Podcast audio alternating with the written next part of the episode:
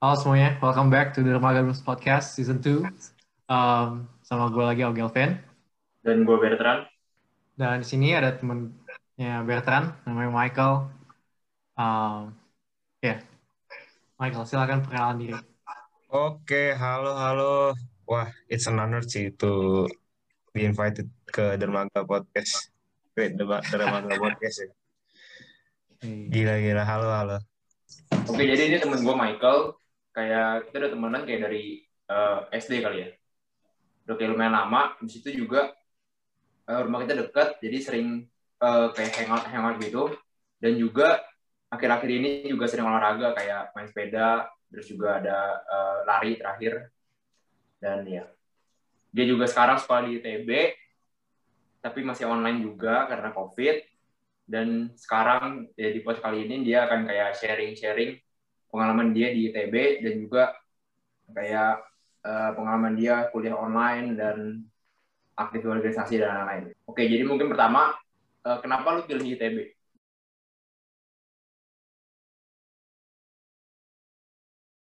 Oke, langsung ke pertanyaan gitu ya. Mantap, mantap.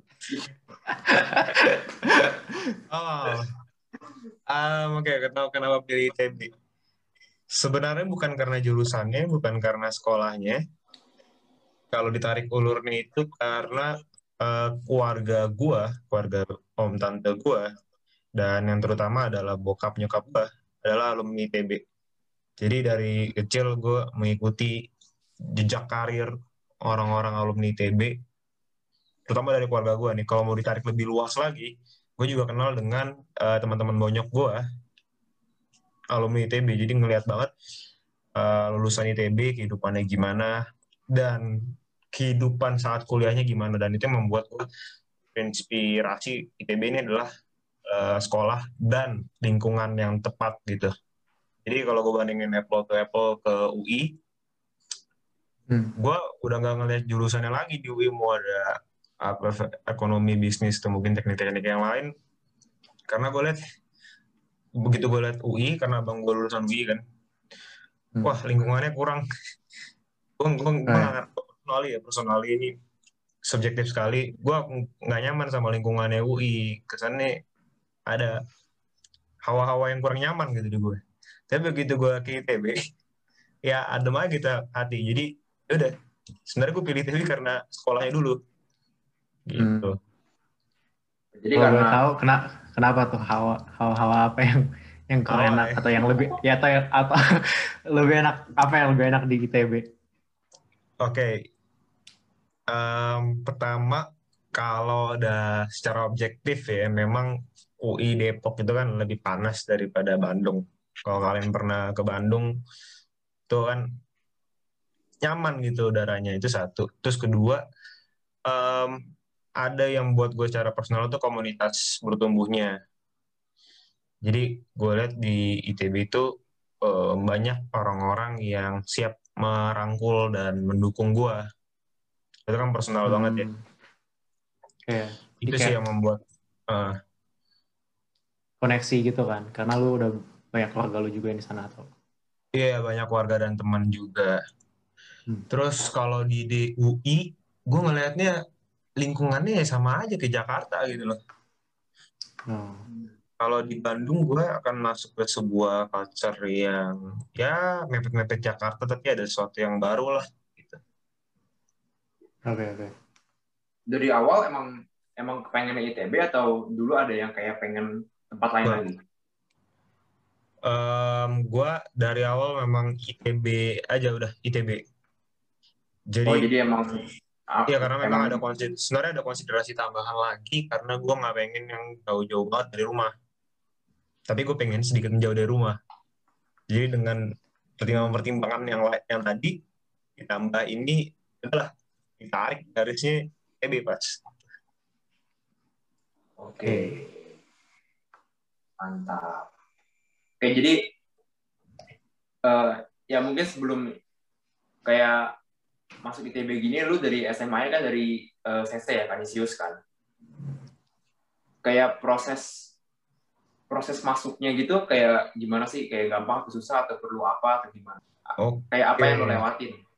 Kalau proses masuk uh, seperti pada umumnya ya, gue harus um, belajar untuk nanti di tahun terakhir mengikuti uh, tes UTBK SBMPTN yang hmm. Gimana ya kalian kan anak luar ya? Kalau gue simpelnya itu uh, ada seleksi nasional bersama gitu lah dengan tes hmm. itu. Cuman uh, perjalanan gue memang beda dari yang lain karena gue gak cuma tes gitu. Apa lagi tuh? Hah? ada apa lagi? Bukan gue punya masalah pribadi yang itu cerita juga ke waktu itu. Yang membuat perjalanan gue lebih unik daripada sekedar seleksi nasional seperti teman-teman pada umumnya gitu oh. ya itu um, sempat karena di kelas 11 akhir nyokap gue meninggal kira setahun ke depan selama menjalani kelas 12 singkatnya gue uh, mental breakdown lah spread belajar segala macam dan pada akhirnya tiba-tiba COVID melanda kan. Jadilah uh, sistem tes diganti, gak ada pelajaran, cuma tes logika ini. Ya intinya tes logika lah. Dan gue rasa itu kesempatan emas buat gue dan Bu Iton akhirnya bisa berhasil masuk. Nah, um, kumang kalau mau sharing pengalaman dari gue masuk ITB adalah bisa juga sih dipelajarin ke orang lain walaupun pengalaman gue yang unik tadi kalau uh, sistem tes tuh bener-bener gak ada yang tahu sih. Lakukan aja yang terbaik. Gue juga, gue mencoba segala kesempatan gue kemarin. Gue bener-bener bertaruh yang sampai di mana gue inget banget guru bimbel gue tuh sampai bingung kenapa gue dalam titik terendah itu masih berani pilih ITB gitu. Dia nawarin gue ke universitas-universitas mana. Kan gue bilang gue mau, udah gue mau ITB aja. Oke. Okay. Ya udah, ada ada harga yang gue tentukan ada ada yang harus gue bayar gitu loh itu sih yang menurut gue mungkin bisa di share oke okay. mantap mantap oke jadi udah oke kan sekarang udah masuk UTB, eh, eh udah masuk ITB nih. Kayak pengalaman eh, pengalaman apa yang udah lu dapetin gitu selama lu kuliah online atau pernah ke Bandung? Ya hmm. Eh, pengalaman apa aja yang udah lu dapat?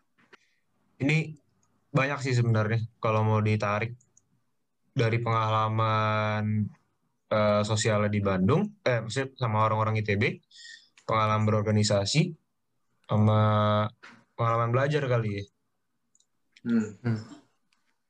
Uh, mungkin kita tarik dari pengalaman belajar dulu kali ya, karena kan yang paling dasar akademik ya. Ya. Yeah. Boleh, boleh. Jurusan gua itu uh, sedikit tarik ulur jurusan gue kan business of management which is sebenarnya kurang menggambarkan sebuah ITB yang dari namanya aja teknologi kan teknik cuman ya memang ITB membuat jurusan baru M gitu bisnis. Nah. Oh, oke okay. hmm. tapi tetap aja yang namanya ITB ya ITB itu penuh dengan orang-orang ambisius putra putri terbaik bangsa yang masuk ke satu tempat semuanya.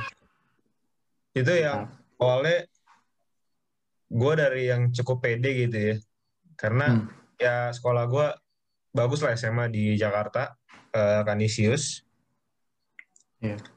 cukup pede waktu masuk uh, kuliah hari-hari pertama kayak ya lah gue dari Jakarta sekolah gue cukup ini ya bisa lah survive di sini gitu hmm. kan Terus hari-hari pertama belajar, ini kenapa semua isi orang pintar? gue lingkungannya tuh bener-bener beda dari SMA, mungkin juga SMP yang pernah gue jalanin dulu. Hmm. SMA gue kan cukup ini ya, cukup diverse lah. Maksudnya gue temu teman dari ada yang dari Cikarang, kos di uh, Menteng, ada yang dari Depok, ada yang dari mana, terus ngumpul semua di satu tempat Menteng. Itu kan udah, ya kalau hitungan anak Jakarta mah udah cukup diverse lah ya, satu SMA gitu dari daerah mana-mana. Hmm. Itu lebih diverse yeah. lagi. Jadi ternyata, oh, yeah. walaupun gue udah cukup terbiasa, ini lebih diverse lagi. Ada yang dari Bali, ada yang dari dari Sumatera, ada yang dari Jawa mana, saya pinter-pinter semua orang ya dan gue nggak pernah tahu gitu tiba-tiba ada dari orang dari Surabaya kok pinter bet Iya, yeah, kayak karena kan kalau kuliah kayak orang apply dan apalagi kayak kuliah yang ternama lah di Indo, pasti kayak diseleksi bagus-bagus semua gitu kan dari seluruh Indonesia. Iya. Ya, bener, bener, bener banget. Jadi kayak itu lingkungan ya.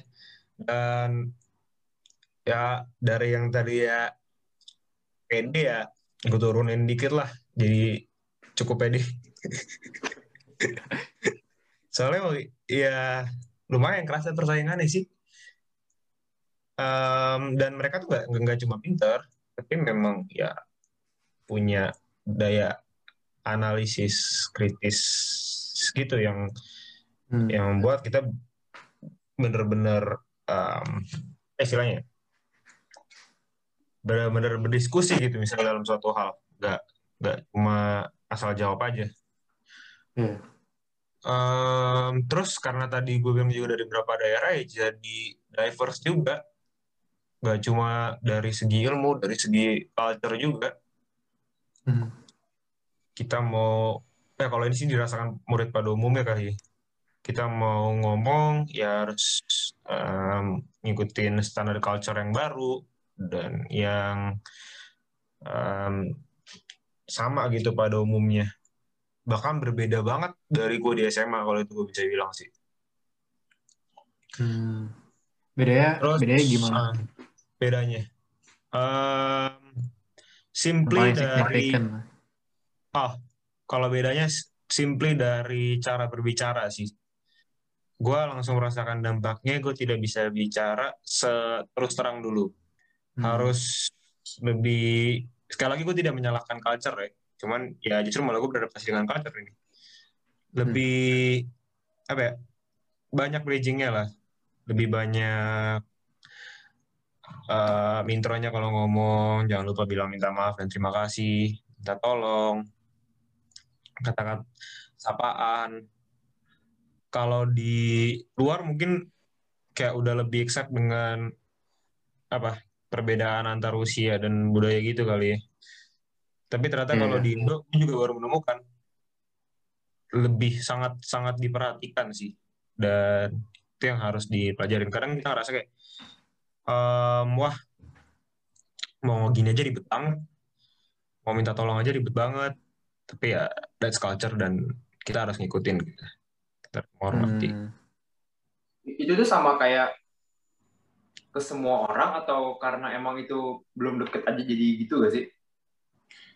Nah, atau emang udah deket pun emang ada begituannya? Um, aku juga awalnya mikir begitu, tapi ternyata ya um, harus begitu karena mereka terbiasa begitu bahkan di lingkungan gue pun masih banyak yang ngomong aku kamu. Hmm. Kalau di pengalaman gue sih ya aku kamu itu spesial sekali untuk orang pacaran. Iya ya biasa iya, gitu sih. tapi, tapi iya. di luar itu nggak nggak gitu. Gue orang masih orang masih common sekali pakai aku kamu. Dan dari situ bisa tercermin seberapa um, apa ya? Seberapa alusnya lah dalam tanda kutip budaya mereka. Iya, benar sih. Tadi dulu gue juga pas SMA ada teman gue tiga dari apa namanya dari Bangka. Ya mereka pas datang kayak pakai aku kamu gitu ngomongnya. Sama sih kayaknya. Ya mungkin yang pakai gue lu tuh sekitar Jakarta doang paling kali ya. Iya, memang di Jakarta ini tuh ter memang terlalu bukan terlalu sih, memang bebas sekali gitulah. Dan yang tadi cuma satu contoh ya dari sekian banyak. Kalau mau tarik ulur lagi, gue berbeda dengan kakak tingkat satu tahun aja. Itu hmm. ada yang um, perhatian sekali dengan sapaan gitu, kak hmm. uh, atau mas. Okay. Kalau ada yang ada yang ada yang nggak suka juga kalau nggak dipanggil nama, ada yang nggak masalah juga kalau langsung dipanggil nama gitu. Oh. Contoh kedua Dia lumayan ribet ya. Hah? Dia lumayan ribet Ya. ya. Lo harus harus ingetin mau sapa orang tuh gimana. Kalau yang ini gimana, kalau yang itu gimana. Beda-beda semuanya. Ehm, nggak sih kalau gue gue gue di bawah santai aja. Kalau dibilang ribet ya ya jujur-jujuran aja emang emang jadi mikir Hmm. eh, setiap kali mau bicara ya. Gak kayak dulu mungkin kalau kita di SMP tuh di SMA di Jakarta. Tapi ya ya udah sih kadang kalau memang ngelihat orangnya santai ya udah langsung manggil aja eh, namanya. Tapi kalau misalnya belum terlalu kenal terus ya kelihatannya kayaknya orangnya ini nih eh, cukup eh, strict dengan culture seperti itu ya dihormatin aja. Ya memang karena karena kenekatan-kenekatan dan permainan feeling itu kadang-kadang jadi berbuah masalah sih. Sebenarnya kalau mau baik kan semua dipanggil Kak. Mas, Hmm. cuman memang dasarnya gua em, ini demennya santai. Ya kadang-kadang ya kena teguran juga gitu ya. Ya udahlah, itu baik juga. Tapi berarti nanti kalau kayak misalnya gua atau siapa pun yang dari luar nih atau dari eh, manalah yang nggak biasa sama culture di Indonesia gitu, pas kerja misalnya baru turun kerja gitu, Jadi Hmm. kita harus kayak mulai biasain juga gitu kan, kayak pakai hormatin orang yang lebih tua atau gimana gitu kali ya. Oke. Kebetulan gue tuh punya saudara ya dari luar. Dan gue juga punya saudara yang sekolah di sini. Jadi memang keluarga cukup luas dan beruntungnya gue dapet insight sebanyak ya memang kayak gitu. Em, dengar cerita dari saudara-saudara gue luar kalau di luar kan gak gitu problem ya dengan culture itu. Tapi kalau di sini diperhatikan banget ya betul. Nanti kalau kalian misalnya dari luar kerja di sini oh apalagi di lingkungan kerja yang apa ya setiap tingkah laku kita tuh pasti diperhatikan banget kan itu kita mau menegur atasan pun harus mikir tiga empat kali karena misalnya dia orang lebih tua sekental itu culture kalau Indonesia. Jadi nggak cuma manggil sapaan tapi kita harus bener-bener memperhatikan segala sesuatu Oke oke. Oke, jadi itu udah yang tadi eh, tentang masalah gituan dan juga oke kalau tadi yang lu juga bilang kan kayak lu juga ada eh, pengalaman kayak organisasi gitu. Nah itu boleh ceritain deh. Itu organisasi seperti menarik. Oke. Em, Menarik organisasi lu. Ini juga ada topik menarik sih dari pengalaman organisasi gue selama setahun ini. Karena gue nggak cuma belajar tentang sebuah organisasi dan kegiatannya, tapi juga gue dapat value-value baru karena kegiatan-kegiatan itu. Mm-mm, pasti. Jadi ya selama setahun ini begitu awal sedari awal dari masuk ITB mungkin bukan cuma organisasi ya gue akan eh, masukin ini sekalian ke kepanitiaan kali ya gitu kali maksudnya ya Iya. Iya. gue awal banget masuk SBM ITB, gue langsung jadi ketua eh, gathering angkatan. Hmm. Gathering gathering apa nih? Ah, jadi angkatan gue bikin acara keakraban kan untuk ngumpulin semua anak angkatan tiga ratusan orang. Dan di situ gue langsung jadi ketua. Itu awal awal dari kepanitiaan gue di kampus. Jadi mimpin tim panitia untuk bikin acara gitu online selama berapa hari waktu itu, lima hari kayaknya. Em, terus, nah eh, salah satu hal yang gue suka lagi dari ITB itu gue lupa mention tadi karena itu organisasinya dan hubungan yang satu sama lain. Jadi banyak banget tuh platform Mhm. untuk eh, beraktivitas dalam hal apa pun, literally apa pun pasti ada ya satu aja. Dan kebetulan waktu itu begitu awal masuk kuliah langsung ada nih panitia panitia panitia. Biasalah anak baru kan. Wah ITB wah eh, udah namanya bungkusnya menarik menarik kan.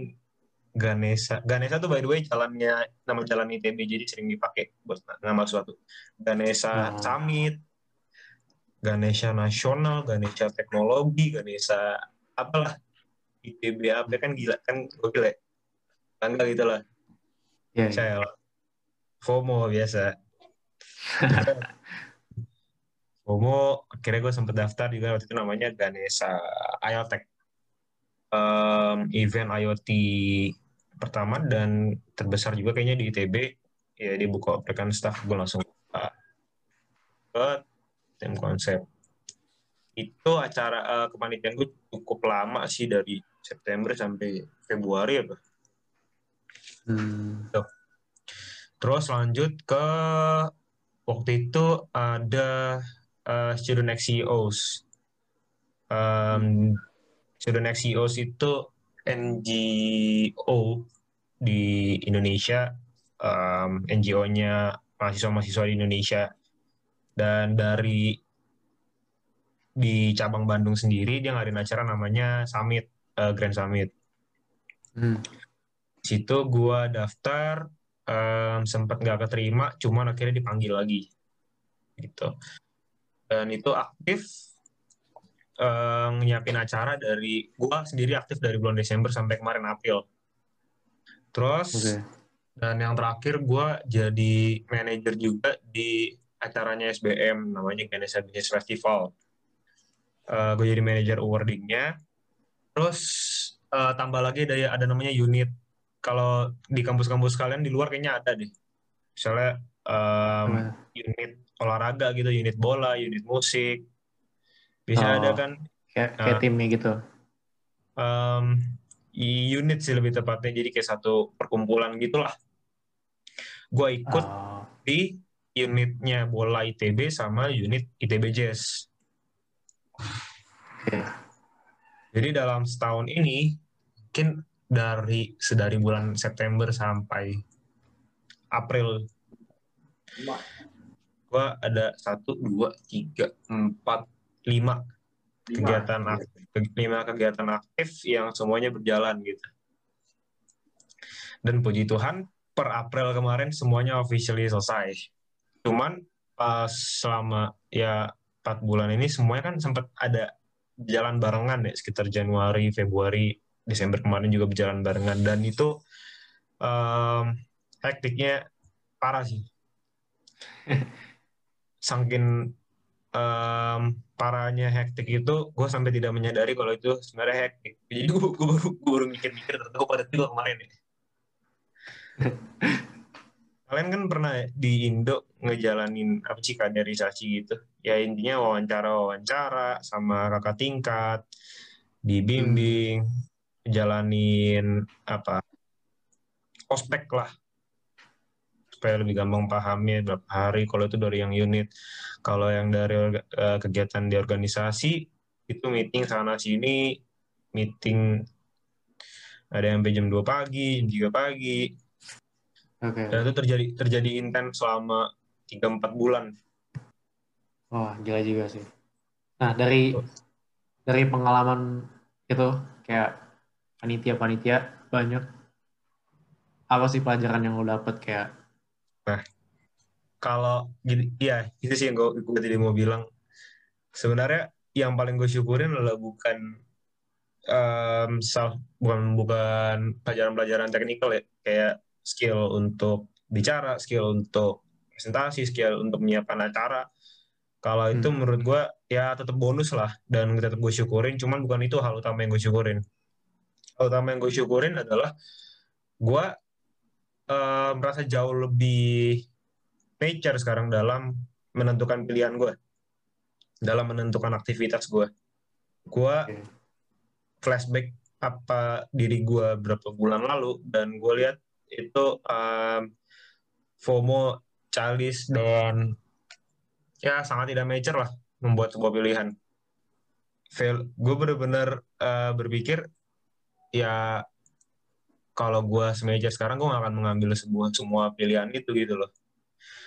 Hmm, waktu itu sangat yang tadi gue bilang kan lingkungan gue itu dipenuhi dengan orang-orang ambisius hebat yang kalau lo perhatiin terus lo kan terus mau berkompetisi.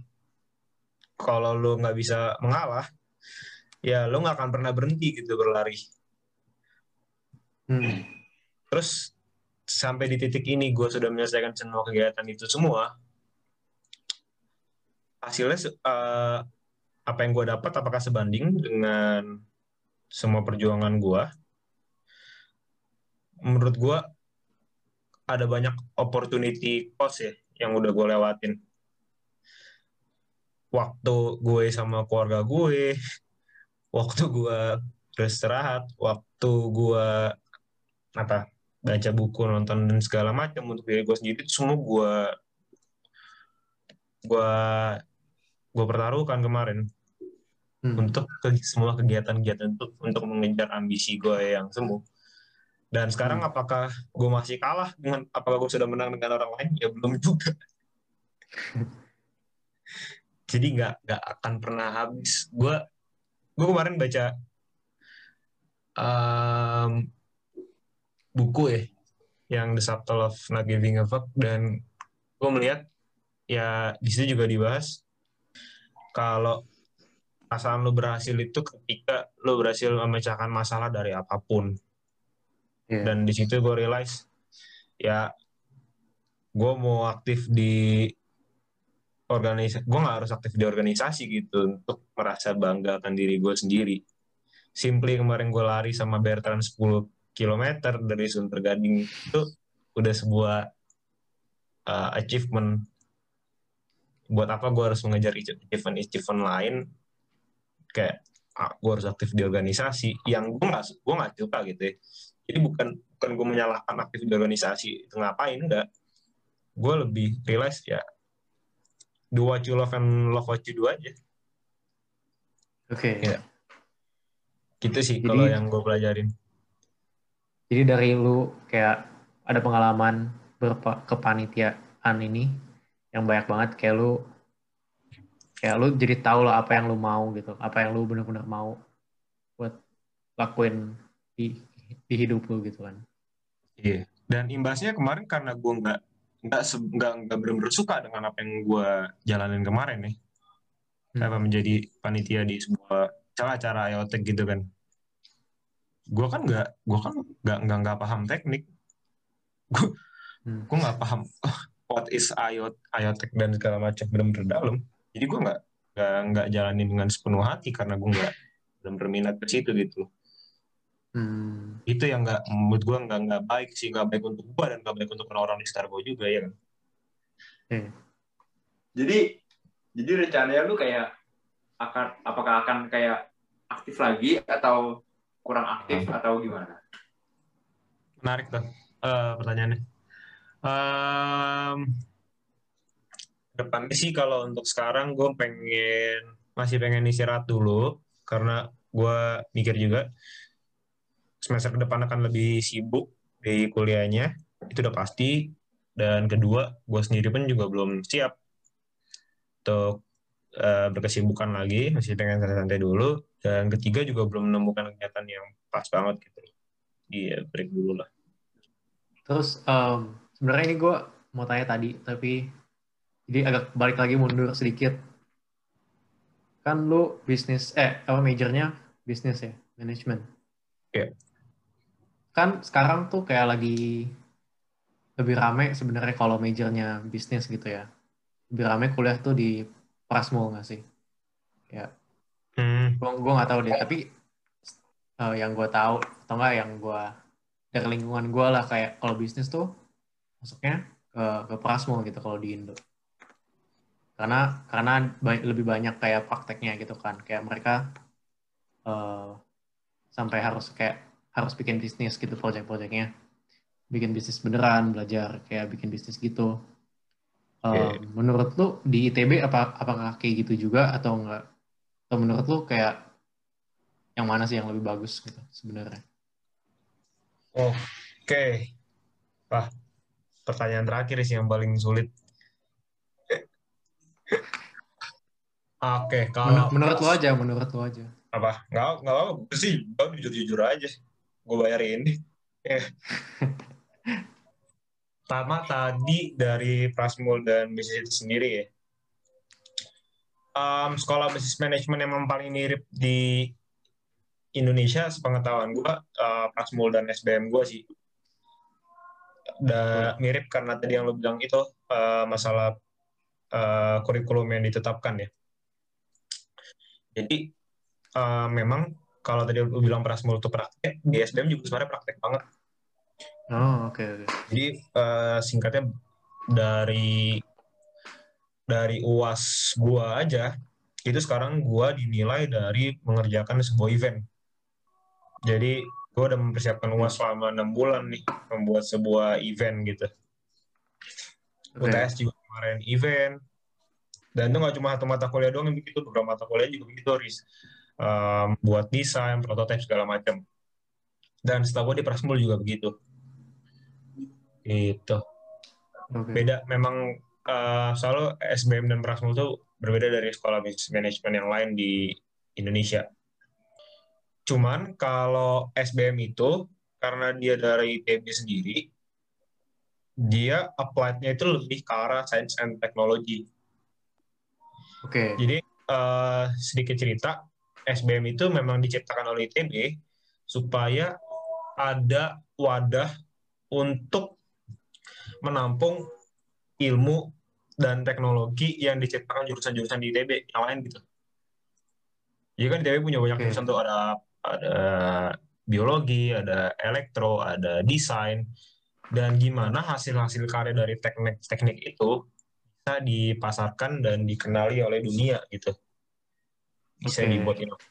Karena diciptakanlah SBM, School of Business and Management, which is yang gue ditekankan di anak-anak SBM adalah kalian harus bisa buat sebuah inovasi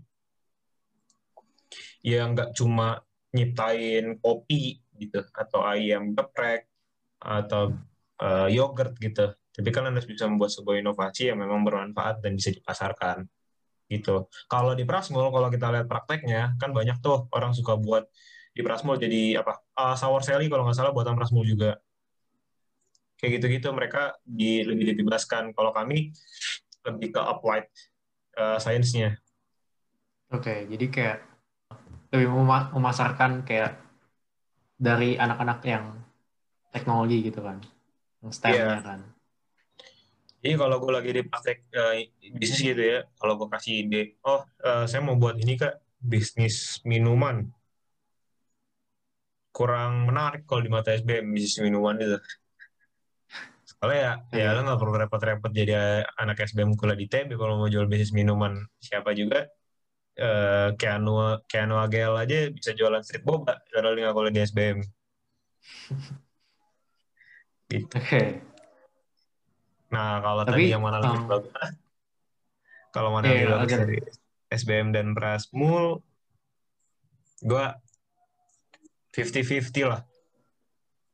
oke, Semua punya kelebihan dan kekurangannya. Kalau tadi sebenarnya filosofi SBM menurut gue bagus juga sih, supaya ya kalau nggak nanti semua bisnis Indonesia dipenuhi dengan F&B dong secara itu secara kasat mata kan cuannya paling cepat.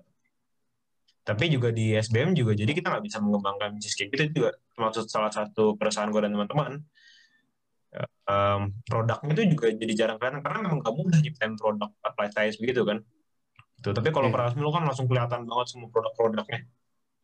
Banyak Iya. kok yang Prasmul kan. Cuman kita nggak tahu aja. Tapi memang banyak. iya. Oh, tapi itu berarti yang apa? SBM sebaru sebaru apa sih programnya? SBM itu dari 2000 2005 apa 2006? Oh, berarti sebenarnya belum oke lah ya kayak Em, nggak iya sih. baru banget. nggak sebenarnya nggak baru banget cuman karena jurusan-jurusan yang lain itu udah berpuluh-puluh tahun Iya. generasi ya kesannya jadi baru gitu aja sih sebenarnya Oke. Hmm. Tapi berarti kalau orang yang kayak bisnis tapi lebih ke arah teknologi gitu sebenarnya mungkin mungkin gue juga nggak tahu karena kan gue nggak pergi ke mana-mana gitu kan nggak Prasmul ataupun SBM tapi SBM mungkin lingkungannya lebih tepat kali ya. Karena ya lingkungan lu anak-anak ITB gitu kan. Sedangkan Prasmul berarti kurang lebih Ya, iya. lingkungannya bisnis semua gitu kan. Kalau ada yang teknik walaupun mereka baru kayak waktu itu pas gua mau masuk kuliah tuh baru tahun pertama ada kayak jurusan yang STEM gitu. hmm. Baru tahu tuh iya Ya, jadi baru tahun keempat sekarang berarti kan karena gue 4 tahun.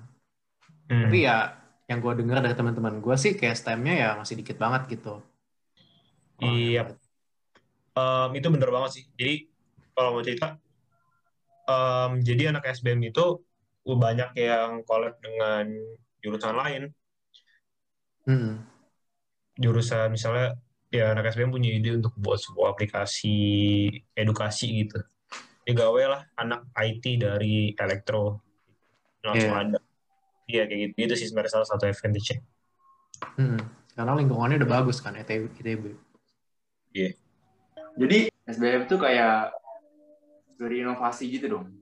Kayak membuat membuat suatu produk dong jadinya. Iya, itu bener sih.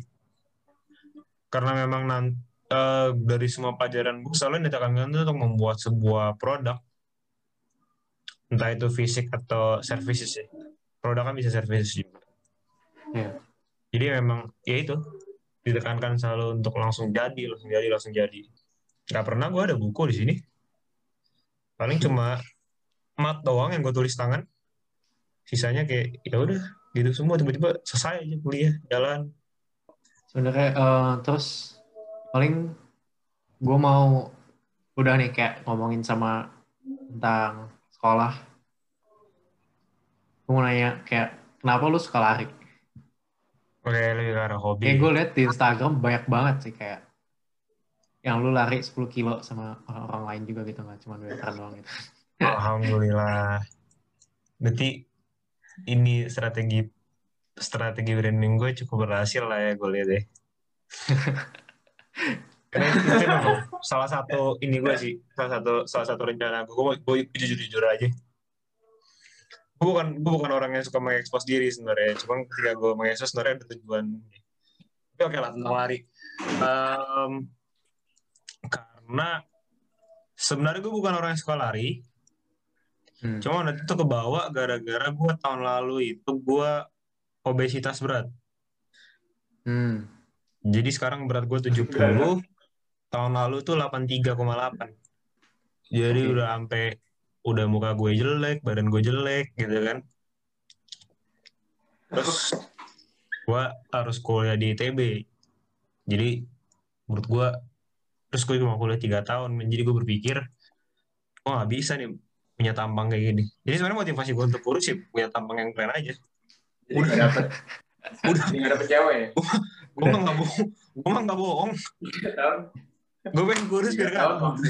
Dikit. Tiga tahun soalnya ya. Bentar buat secara cewek. timing secara timing gue harus sekarang nggak nggak bisa nunggu lagi jadi gue harus, sekarang Jadi motivasi lu itu. Hah? Jadi motivasi lu tuh itu. ya ada motivasi untuk hidup sehat juga sih sebenarnya jadi lebih gampang bergerak cuman itu nomor dua lah yang pasti pasti aja kan ya kalau nggak siapa juga yang mau suka ntar? Walaupun sekarang nggak ada sih. Cuman ya paling gue udah Pasti berusaha gitu. Kan paling paling gue udah berusaha gitu kan. Hmm. Em, ya udah waktu itu masih nge-gym kan. Karena pandemi dan nggak ada teman-teman juga untuk biasa kan main futsal atau apa. Gue basket nggak nggak gitu jago jadi cuma bisa main futsal main futsal nggak ada temennya ya udah gue ngapain? Ya udah nge-gym lah. Daftar lah di gym. Dan salah satu hal yang paling gue suka di gym adalah treadmill. Jadi berawal dari situ lah. Waktu itu lari 2 kilo dua setengah kilo naik ke tiga Hmm. dan ternyata memang eh, enak aja. Gue gue gue gue enjoy aja gitu. Lari menurut gue mengajarkan banyak hal sih kalau gue lagi penat habis kerja atau belajar? gue gue gue suka lari. Lari yang membuat gue capek terus habis langsung istirahat sambil lari juga. Jadi bisa lihat tanah sini mikir tanah sini kalau ambil gym paling dengerin musik ya. Hmm. dan akhirnya jadi jadi ketagihan sih. Sekarang em gue sangat menikmati lari sampai dua dua tiga hari nggak lari menurut gue ada sesuatu yang aneh. Kalau bisa sampai lari 10 kilo itu karena motivasi dari saudara gue sih. Jadi itu dia ngajak ayo lari deh dari Sumber ke Gading. Gue kira awalnya kan jauh banget kan. Iya. sambil ditemu dia wah ternyata bisa. Ya udah. Ternyata memang enak sih. Lari lari sekaligus jadi em, sebuah uh, achievement buat gue Iya. untuk tetap uh, pede gitu dan berbangga sama diri gue sendiri. Ya menurut gue itu sesuatu hal yang bagus sih. Terus. Jadi kemarin gue pulang 10 kilo sama lari, misalnya lari sama veteran, gue bisa share ke orang, gue bisa lari 10 kilo, udah udah itu menyemangati diri gue sehari itu. Ah ya, Hmm. jadi ada achievement. Itu sih. Hmm. Veteran tapi katanya ini ya, apa? Nggak bisa jalan kan besoknya. Oh iya, Pernah lari tiba-tiba 10 kilo, Iya. gila juga. kan lu kan kan lu kan mulainya kayak dari 2 kilo 3 kilo gitu kan. Baru Iya. 10 kilo. Kalau gue kan dari dari Iya nggak pernah lari itu gue langsung 10 kilo. Iya, besoknya dia dengkul gue sakit turun tangga nggak bisa. Naik turun tangga harus miring. Gue siksa kemarin. Tapi ya, enak kan? tapi boleh Ya, ya, tapi emang seru lah Tapi lu lu lu lu, lu, lu ngerasa kan maksud gue, lu pulang gitu. Tadi sebenarnya dia, dia, udah dia, udah dia udah mau jalan kok dari dari Arta. Lu gua gua paksa dah deh. Enggak lah nggak dari harta lah nggak dari harta. Nggak ada Arta ya potong Jalan- dikit lah. dari dari dari yellow yellow. dari yellow lah. Dia udah mau jalan. Terus gue bilang jangan dan itu itu satu, contoh gue dapat pelajaran dari lari lo tahan terus sampai akhir nanti di akhir lo, Hmm. lo jauh lebih puas daripada lo jalan udah gue paksa gue paksa dengan segala motivasi lah waktu itu eh kemarin Hmm. kira berarti kalau mantap kan kalau rasanya kan kelapa gading terus bosen dong Hah? jadi mesti tempat lain kalau muter Sebenarnya kelapa gading iya. terus bosen. cuman ke Kelapa Gading di jarak paling pas dan jalan dan suasana paling pas sih kalau buat gue belum ketemu coba lah belum ketemu. kayak ke GI gitu coba kan nggak kuat. ke gitu. GI GI gitu kan nggak kuat bos coba kayak sama deh. Dari sini ke GI 10 kilo sih. Gua mau coba. Jadi kita center kita kita center tapi pulangnya pulangnya mobil. Apa?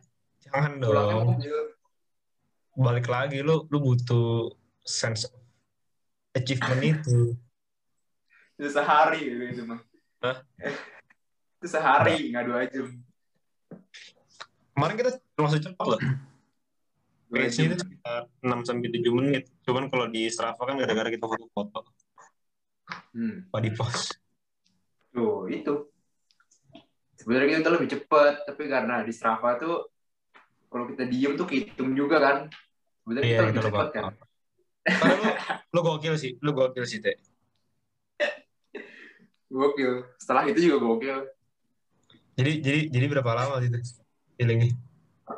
apa Sekarang udah sembuh. udah kayak dua hari kayaknya hari ketiga hari ketiga baru nggak berasa sakit maksudnya Itu sedikit catatan gua gua gua hari Kamis kan kita lari. Sabtu gua udah nge-gym lagi sih. Kamis lari gue habis itu push up aja nggak bisa bukan karena tangannya nggak kuat tapi karena kakinya sakit Jadi, kerasa berarti. Hmm. Emang harus rutin. Gua biasa lari paling cuma satu setengah kilo doang. Kagak lah. Tapi lu lu lu lanjak kali nanjak nanjak. Enggak, cuma biasa doang. Tapi Tapi dulu kan di emang, Jakarta. emang, emang, emang harus terus emang harus terus terusan sih kok. Gue Iya. gue gue udah hampir setahun baru menikmati em, ininya prosesnya. Hmm. Dulu Lu udah juga nggak cuma ya? gue gue gue kemarin nggak sakit pulang dari situ ya pegel biasa aja bang pegel paling sampai hari itu ya kan kan gue, gue bilang tadi Kamisnya paling gue istirahat Jumatnya Sabtunya gue udah nge-gym lagi lari lagi 4 kilo lagi Hmm. Mantap juga sih. Terus Jakarta lagi panas.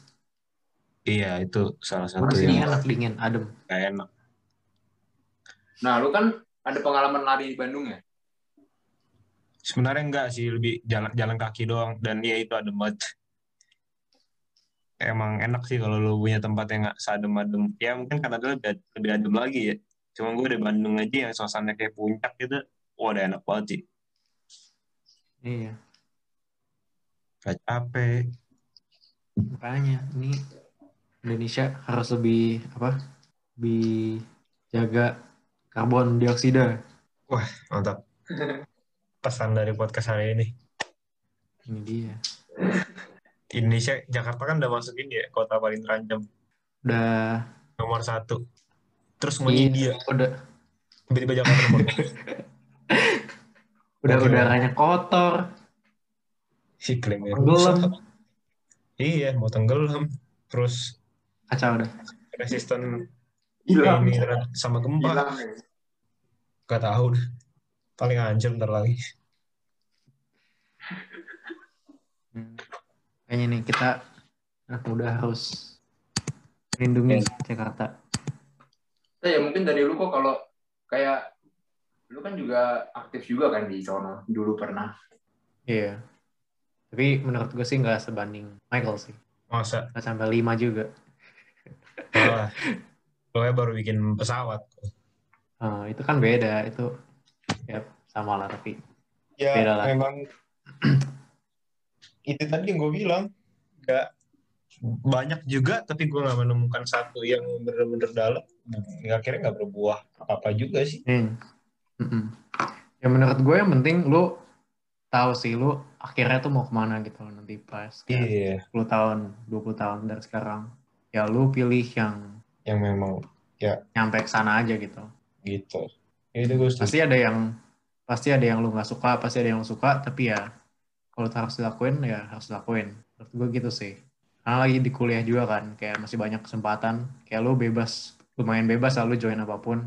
Gagal pun kayak apa namanya biayanya masih kecil gitu hampir nggak ada basic ya gitulah karena gue juga Oke. sekarang kan walaupun gue mechanical engineering pengalaman gue mechanical engineering itu kurang banyak sebenarnya kayak yang paling gede aja ya itu kemarin doang bikin pesawat gitu kan gue ya kalau gue bisa balik ke tahun pertama lagi ya gue mau lebih aktif lagi gitu. Apalagi kalau kayak lu kuliahnya di tempat bagus gitu kan. Kayak di ITB banyak eh, organisasi atau panitia-panitia yang bagus gitu. Eh, jadi lu bisa belajar dari orang banyak yang lebih bagus tadi itu. Jadi sebenarnya bagus juga kan. Kayak walaupun lu tetap nggak paling hebat di sana berarti itu tempat yang bagus karena lu masih banyak orang yang lebih hebat dan lu bisa belajar dari mereka semua bener sih tapi ada satu hal yang gue mau tanya sih emang waktu lo bilang lu kurang aktif lo kurang aktif apa kok bukannya lu cukup aktif Oke lah, biasa doang. Kayak gue banyak kan lebih kayak ke pas kuliah ini lebih banyak ke Permias gitu kan. Permias itu kayak apa? Organisasi orang murid Indonesia di Permias. Amerika Serikat gitu. Tapi kan itu sebenarnya nggak terlalu berhubungan sama apa yang gue pelajarin gitu. Jadi walaupun berharga, gue nggak bilang nggak berharga. Ya berharga buat gue. Tapi ya buat sekarang gitu gue cari kerja susah karena bidang gue teknik mesin. Tapi kayak pengalaman gue banyak kan leadership gitu. Hmm, iya, iya, iya. I see, I see. Tapi satu hal yang, yang gue pikirin juga sih, gue gak merasa semua pengalaman gue sia-sia kemarin sih, walaupun kebanyakan self-development gitu ya. Kayak gimana berorganisasi, gimana bicara, dan segala macam. Em, tetap kepake sih ya kok ya.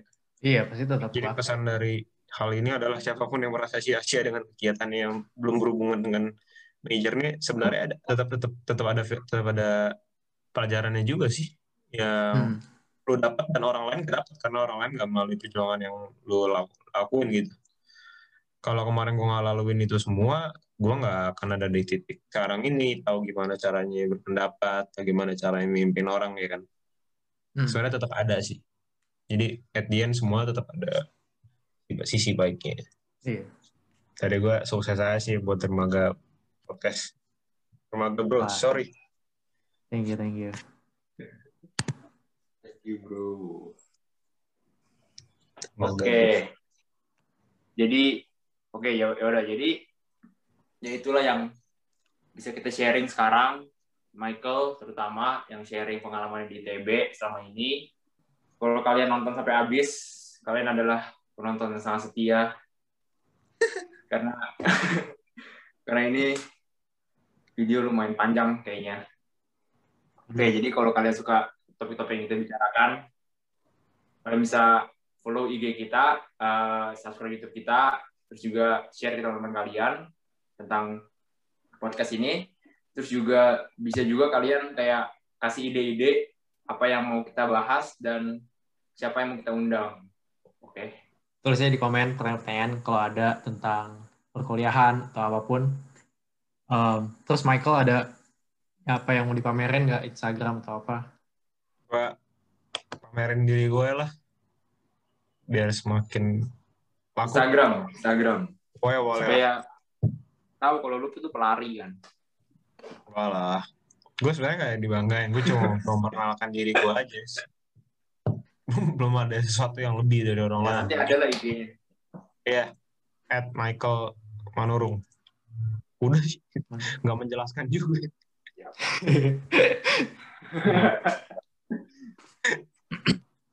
Oke, nanti follow at Michael Manurung. Oke. Okay. L-nya dua. The next episode. Yoi. See you in the next episode. Bye-bye. Bye-bye. Bye.